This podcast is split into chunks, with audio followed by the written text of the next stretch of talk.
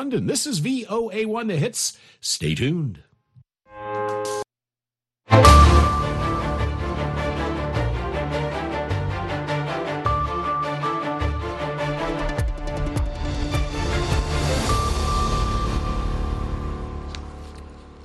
halkani waa washington laanta af soomaaliga idaacadda v o a oo aad ka dhagaysanaysaan mawjadaha gaagaaban efemyada geeska afrika iyo caalamka oo dhan oo aad nagala socotaan v o a somaly com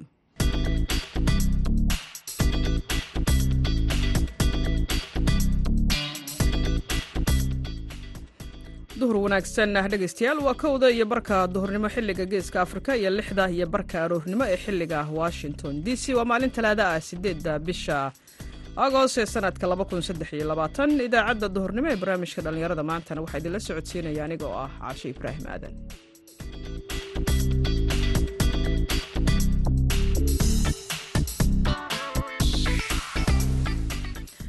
qodobada aad ku maqli doontaan idaacadda duhurnimona waxaa ka mid ah dhallinyarada magaalada gaalkacyo oo olole wacyigelin ah siiya barakacayaasha magaalada ku sugan. Kaamamka hortooda waxaa dhici karta inay biyo war ah iska fadhiyaan biyihiin ay madoobaadeen ay jeerms yihiin. Waxaa kaloo dhici karta dee malaria xilli malaria dadkii ku dhacday yacni la taagan yahay. Shuban biyoodaa socda iyo daacuun. Waxaan wacyigelin ballaaran aan wadnaa oon anagoo ka tirsan ubaxa gaalkacyo degmada gaalkacyo galmudug waxaad sidoo kale maqli doontaan dhallinyarada ku sugan magaalada waaxiryaha qaxootiga ee dhadhaab oo ka dayrinaya wada shaqaynta hay'adaha samafalka. Cayaarihii iyo heesihii ayaad sidoo kale ku maqli doontaan barnaamijka. Intaasoo dhan waxaa ka soo horreeya warka caalamka oon idin akhriyo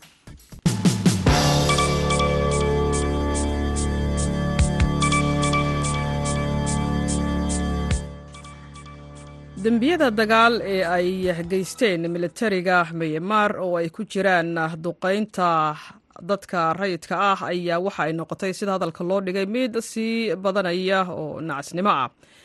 Baarayaasha qaramada midoobey ayaa hadalkan ku sheegay warbixin ay daabacday talaadadan.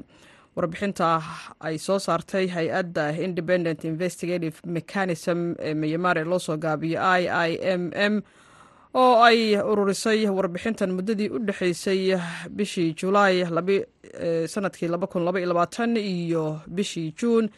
Ee sanadkan ayaa waxay sheegtay in ay jirto sida hadalka loo dhigay caddayn xooggan oo ah in militariga myanmar iyo maleeshiyooyinka taabacsan ay galeen saddex nooc oo dembiye dagaal ah oo la xiriira dagaalka oo ay siinin ama ay sii kordhayaan dalkaasi dembiyadan waxaa ka mid ah beegsiga aan loo meeldayin ee lagu bartilmaameedsado dadka rayidka ah ee loo adeegsado bambooyinka iyo sidoo kale gubashada guryaha iyo dhismooyinka ay leeyihiin dadka rayidka ah taas oo keenta mararka qaar in la burburiyo dhammaan tuulooyinka ayay tiri warbixintu. Wiilka labaad ee boqorka thailand ayaa waxa uu booqday xarun lagu xanaaneeyo qoysaska danyarta ah ee ku yaalla thailand. Talaadadan xili uu booqasho lama filaana ku tegay boqortooyada waana markii ugu horreysay oo uu ku laabto dalkiisa muddo toddoba iyo labaatan sano. Ah safarka wiilkan oo la yidhaahdo vivakran vegawagas oo labaiyo afartan jir ah ayaa waxa uu ku soo beegmay waqti aad u adag qoyska boqortooyada tai iyadoo gabadha ugu weyn boqorka ay kooma ku jirto tan iyo bishii disembar booqashadan wiilkan labaad ee boqortooyada tai ayaa waxa uu ka shaqeeyaa shirkad qareenno ah oo ku taala magaalada new york ee dalkan maraykanka waxaana uu booqday foundation for islam child care oo ay taageerto qoyska boqortooyada. Qasriga boqortooyada ayaan ka hadlin booqashada. Xafiiska qoyskana kama uusan jawaabin codsiyada ay u gudbiyeen warfidiyeenada ee ku saabsan in ay ka hadlaan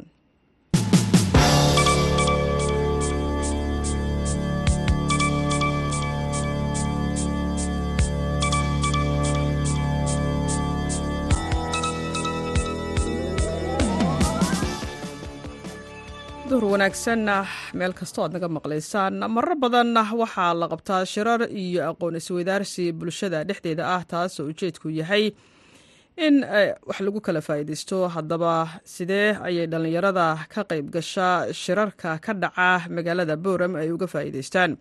Sheekh cumar waa haashim sheekh cumar good ayaa waxa uu la kulmay qaar ka mid ah aqoon-yahanada ku sugan jaamacadda camuud oo anigoo yuusuf cabdixareeda madaxa qeybta cilmi baadhista iyo arrimaha bulshada jaamacadda camuud runtii haddaan ku noqdo shirkan ama isku imadkan xafiis ahaan waxaa qorsho nooga ah in kulamada noocan oo kalehay ay bataan. Waad ogtahay hashimow sanadihii u dambeeyey saddexdii sana u dambeysay shirarka noocan oo badan oo cilmibaaris khuseeya baanu qabanay.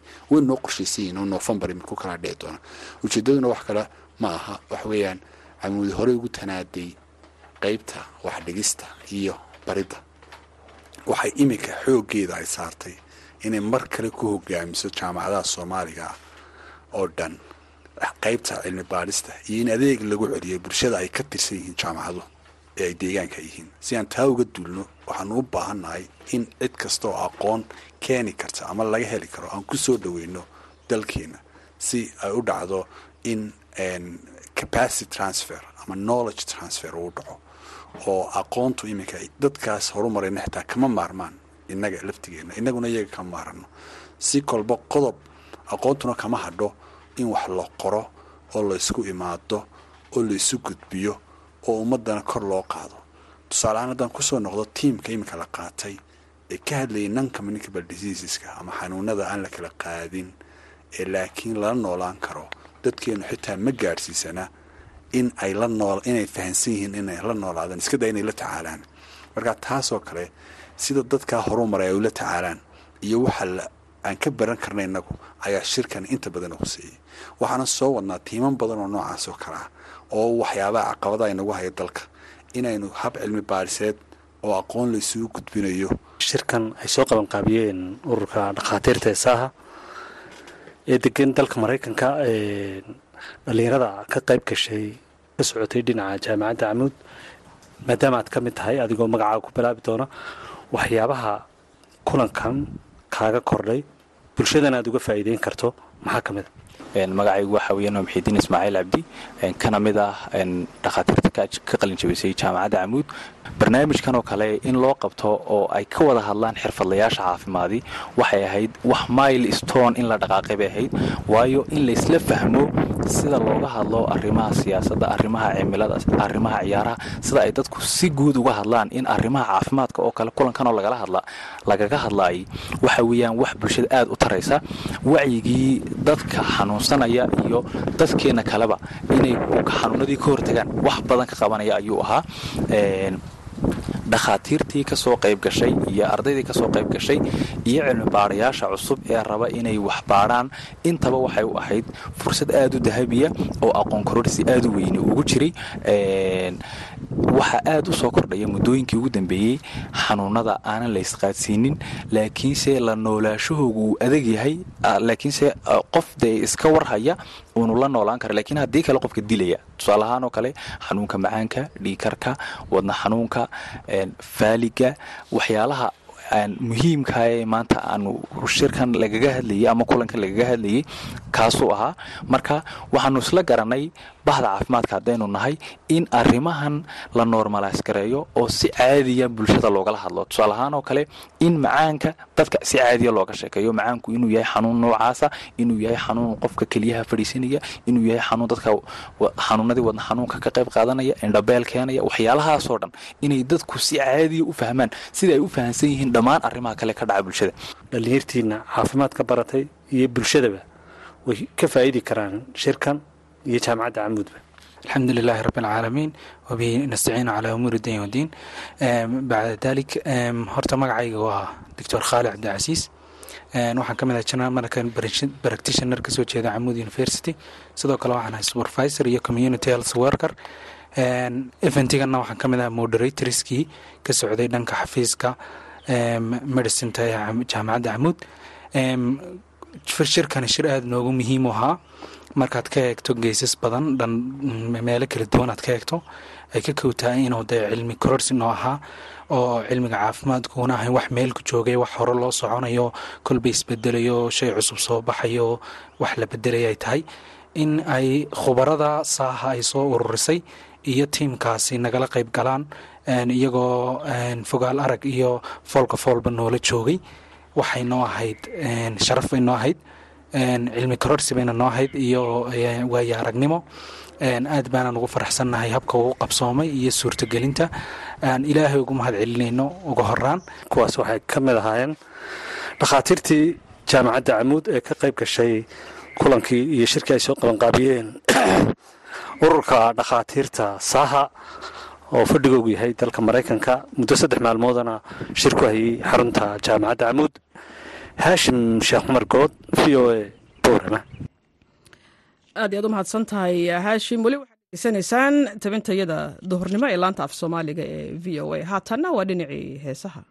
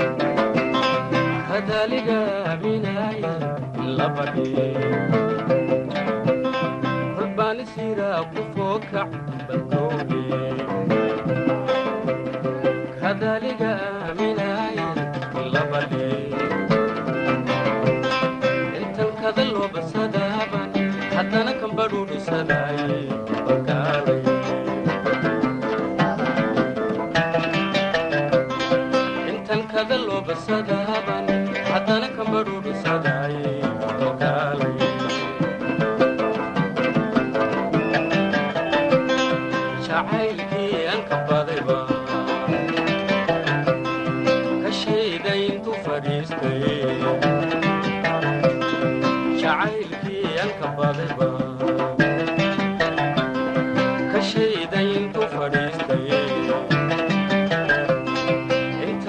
sii kordhaayo kilkilis buu igu hayaayo. Anigu kaadkiyo xanuunka walaylka iga baxay.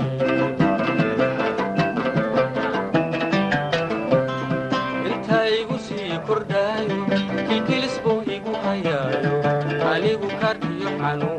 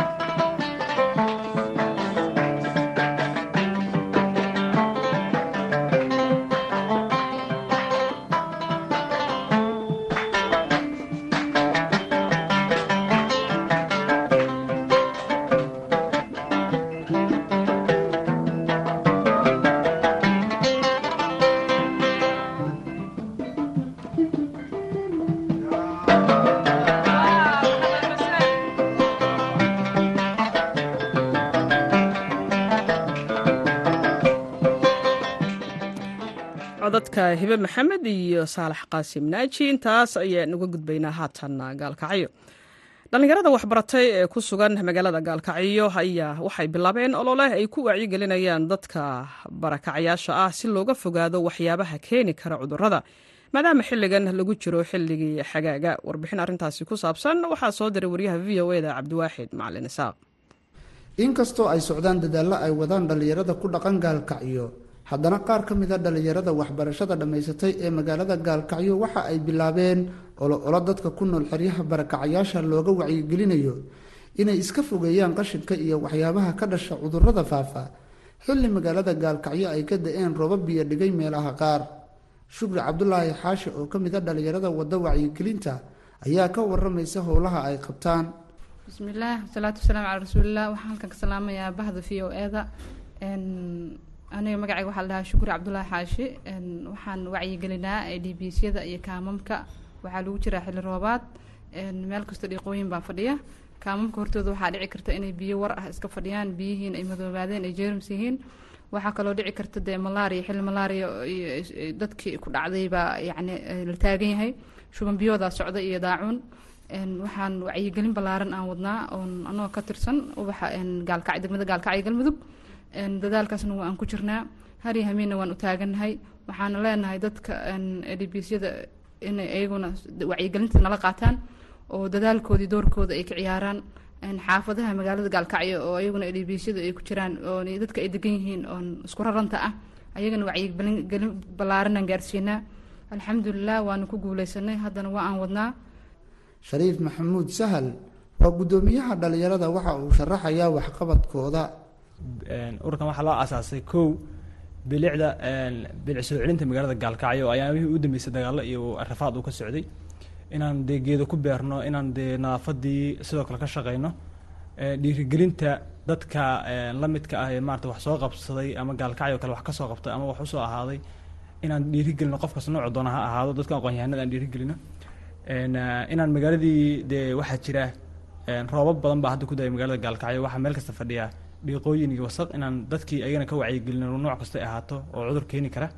Inaan dadka u sheegno in magaalada ayagu leeyihiin ay iska iloobaan qabyaalada iyo quranka waxyaabaha aan waxyaaba ku ooli karin aan iska iloobaan. In aan waxbarashadii sidoo kale dhiirigelino nooc kasta ah. Dadki aan u sheegno in waxbarashadu aad u wanaagsan tahay. Dee dadka jahli ku jiran aan ka soo saarno mugday weliba aan samayn doono ubaxa caasimada laftigiisa uu samayn doono inuu xitaa ku lug yeesho aqoonta xaggeeda dad dhalinyaro ah oo dadka waxbara firi ah ku bara inuu samayn doono faadumo siciid xasan ayaa sheegaysa in howlahooda ay ka mid tahay kulamo dhallinyarada ay u qabteen si ay uga wada shaqeeyaan isdhexgalka iyo nabadda magaalada gaalkacyo. Aad baan u salaamayaa v o a cabdiwaaxid haddii aan ka hadlo qodobka ah isdhexgalka dhallinyarada labada dhinac waxaa jira kulamo aan sameynay labada dhinac oo isdhexgala ka shaqeynaya taasoo ay fududeynayso in nabadii iyo maxaanku irahdaa dadkii isbaarada qalbiga ka taalay in ay ka baxdo. Oo xataa waxaa jira maamulada kulamo ah u sameynay oo xataa ardayda dhinacan iyo ardayda dhinacaas maamulayaashooda aa isku keenay oo ay nala qaatay fikirkii ururkaasna uu socdo ee dhallinyarada isdhexgalka labada dhinac ay socdaan. Marka waxay noo fududeynaysaa in ay magaalada gaalkacyo ay noqoto mid qura dadaalka dhallinyarada ayaa ah mid muddooyinkan ka socday magaalada gaalkacyo. Hase ahaatee dhallinyarada ku midoobday ubaxa gaalkacyo waxaa howlo bilic soo celina ay ka wadaan waddooyinka magaalada gaalkacyo oo burbur xoogan uu ka muuqdo sida uu sheegayo xuseen cabdi dhuxul furdug. Maadaama waxyaalo badan la soo maray aan dareemi karno roobaad bada yimid qashinyaal badan magaalada ay dhow yihiin. Waxaan anagoo ururkii dhallinyarada ubaxa gaalkacyo aan u istaagnay in aan magaalada horumarin ballaaran inaan ka qaban insha allahu tacaala waxaa noogu jira dhakhaatiir waxaa noogu jiro shay arday waxaa noogu jira niman aqoonyaana ma ahan annaga in aan lacag ka qaadanin dadka ma ahan in aan dukaan walba aan leenahay lacagkeen aan wax ku qabanno ilaahay dartiisa inaan wax u qabanno dadkana nagu daydaan ururada kalena magaalada ka jirana oo magaalada ka jiraana waxaa rabnaa insha allahu tacaala in isku meel aan wax ka wada qabanno nagu daydaan magaaladan anagayna sugaysaa magaaladan annaga ilmaheena joogaan magaaladan annagaa ku dhalanay dee horumarinta iyo bilicda magaala haddaana ka shaqeynina dee waa dareemi kartaan. Annaga insha allah naxarinaysaa annaga uu dad qashin iyo quran bargada noqonaynaa waa markii ugu horeysay oo dhallinyaro isxilqaanta ay howlo shaqo ah ay ka bilaabaan koonfurta magaalada gaalkacyo waxaana dhallinyarada dhammaysatay waxbarashada ee sida bilaashka uga shaqaynaysa lagu baraarujinayaa sidii ay u sii wadi lahaayeen dadaalka ay deegaanadooda ka wadaan. Waxaan kaloo aad iyo aada ugu faraxsannahay inay yihiin rag dhallinyaro ah oo aada u firfircoon oo aqoon-yahano ah oo haddeertaan meesha ay shaqada ay ka bilaabeen ay tahay meeshii ugu habbooneed oo roobka markuu da'ay ee shaqo ay wadaan ah inay meelaha biyuhu ay fadhiyaan ay wax ka qabtaan. Aad iyo aad aan u soo dhaweyneynaa haddana ka mas'uuliyad ahaan anaga aniga ka mas'uuliyad ahaan waa ururka keliya ee shaqada ila fududeyn lahaa. Waxay ku magacaabiyiin ururka ubaxa magaalada gaalkacyo. Aad iyo aad aan u soo dhaweyneynaa shaqooyin badan iyo talooyin badan. Diyaar baan ula nahay inaan la shaqeyno. Waxaan kaloo insha allahu tacaala u qaban doonaa barnaamijyo tababareed oo xag maamul leadershipka ama sidii shaqooyinkooda u kala jadweysan lahaayeen ama anyway oo shaqooyinka ugu fududaan karto ayaan u sameynayna insha allahu tacaala. Cabdiwaaxid macalin isaaq v o a gaalkacyo mahadsaned cabdiwaaxid haatanna waa xubintii cayaaraha waxaa inoo haya maxamuud mascade.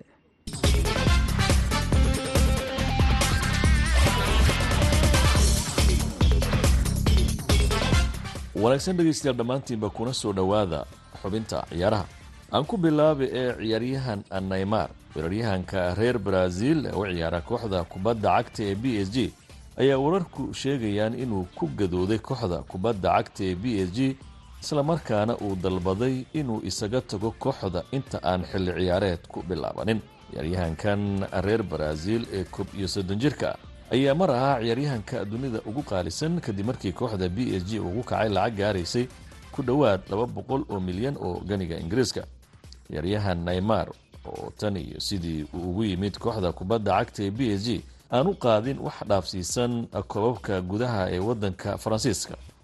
Ujeeddadii loo keenana ahayd inuu ku guulaysto koobka kooxaha qaaradda yurub ee champions leaga ayaa haatan u muuqda ciyaaryahan cidlo dareemaya maadaama ciyaaryahanada garbihiisa ahaa ee messi iyo embabe oo kooxda laftiisu ku gadoodsan aanay xilli ciyaareedkan alla joogin messi waxa uu yimid dalka maraykanka oo waxa uu ku soo biiray kooxda inter miami.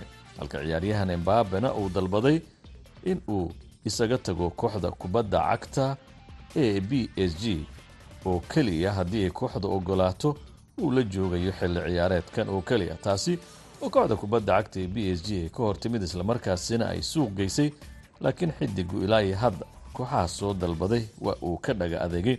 Waxaana haatan lagu ganaaxay inuu ka mid noqdo ama uu la aalamiiteeyo ciyaartooyda heerka hoose ee kooxda b s g. Si kastoo itaaba ciyaaryahan neymar ayaa wararku sheegayaan inay haatan xodxodanayso kooxda kubadda cagta ee chelsea ee waddanka ingiriiska taasi oo wakiilo ka socda ciyaaryahan neymar ay haatan wada hadallo kula jiraan. Ciyaaryahan neymar ayaa su'aasha ugu badan ee hortaalahay waxa ay tahay. Ma waxa uu ku noqon doonaa kooxdiisii hore ee barcelona uu mar walba sheego inuu aad u jecel yahay inuu maalin uun dib ugu noqdo magaalada barcelona. Mise lacagta badan ee kooxda chelsea ayuu dhankiisa ka qaadan doonaa waaba haddii ay chelsea iyo b s g heshiyaan haatanna haddii aan jaleeco dhinaca iyo koobka kubadda cagta adduunka hablaha oo si xiise badan uga soconaya waddamada australia iyo new zealand ayaa waxaa dhiman hal kulan oo wareega lix iyo tobanka waxaana goordhow fooda isku daray waddamada faransiiska iyo morocco morocco waddanka keliya ee ilaa iyo hadda ka socda qaaradda afrika ee koobka ciyaaraya waxaana uu haystaa fursad uu wareega sideedda ugu soo gudbo. South africa iyo nigeria ayaana ku haray wareega lix iyo tobanka. Taageerayaasha reer africa ayaa rajo weyn ka qaba in marowkaanku ay faransiiska ka soo badiyaan oo ay wareega sideedda u soo gudbaan. Waaga dhegeystayaal xubintan ciyaaranta ku soo gabagabeynaa tan iyo kulan dambe oo mascadooda ku dhaafaya sida iyo nabadgelyo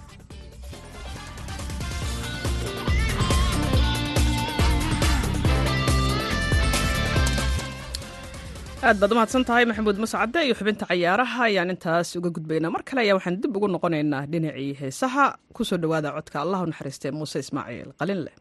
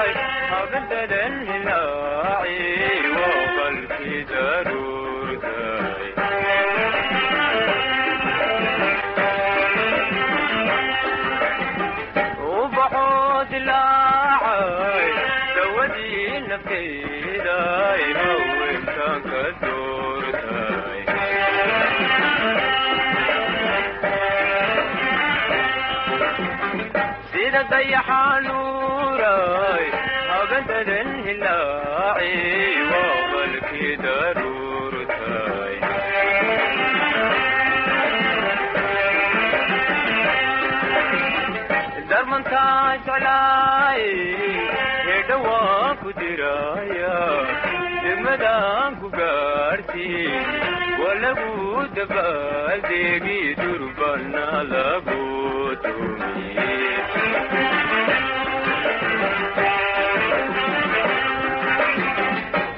darmantaa jeclaay hedha waan ku diraya degmadaan ku gaartiin waa lagu dabaaldeegi durbana lagu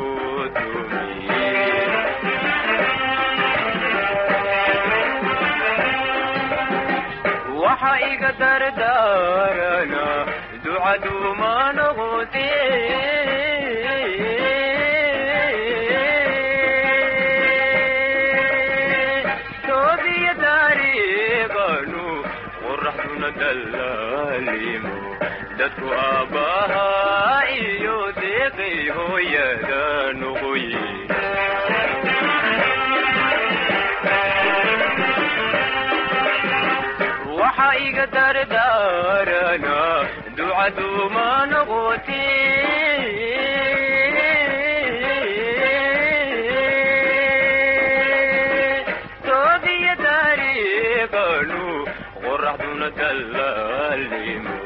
dadku aabbahaa iyo deeqay hooyada noqoye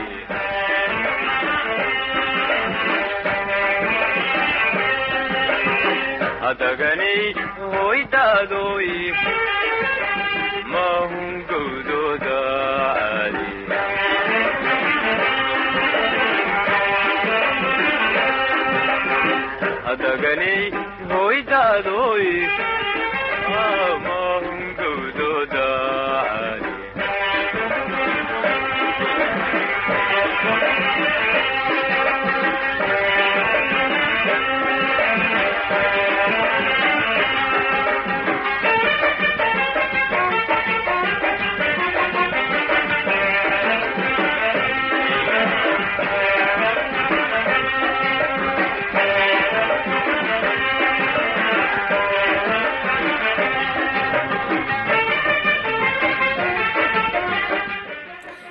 codka allah u naxariistee muuse ismaaciil qalinna ayaan ku soo gebagabaynaynaa baahinteennii duhurnimo. Ee laanta af soomaaliga v o waxaad la socodsiinaya anigoo ah caashi ibraahim aadan dhinaca farsamada waxa uu ahaa ismaaciil xuseen maxamed farjar.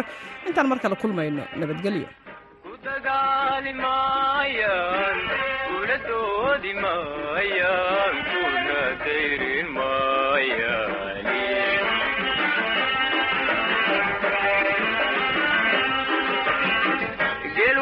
waa ku daraara adhigu waa ka daran yahay caanaha dur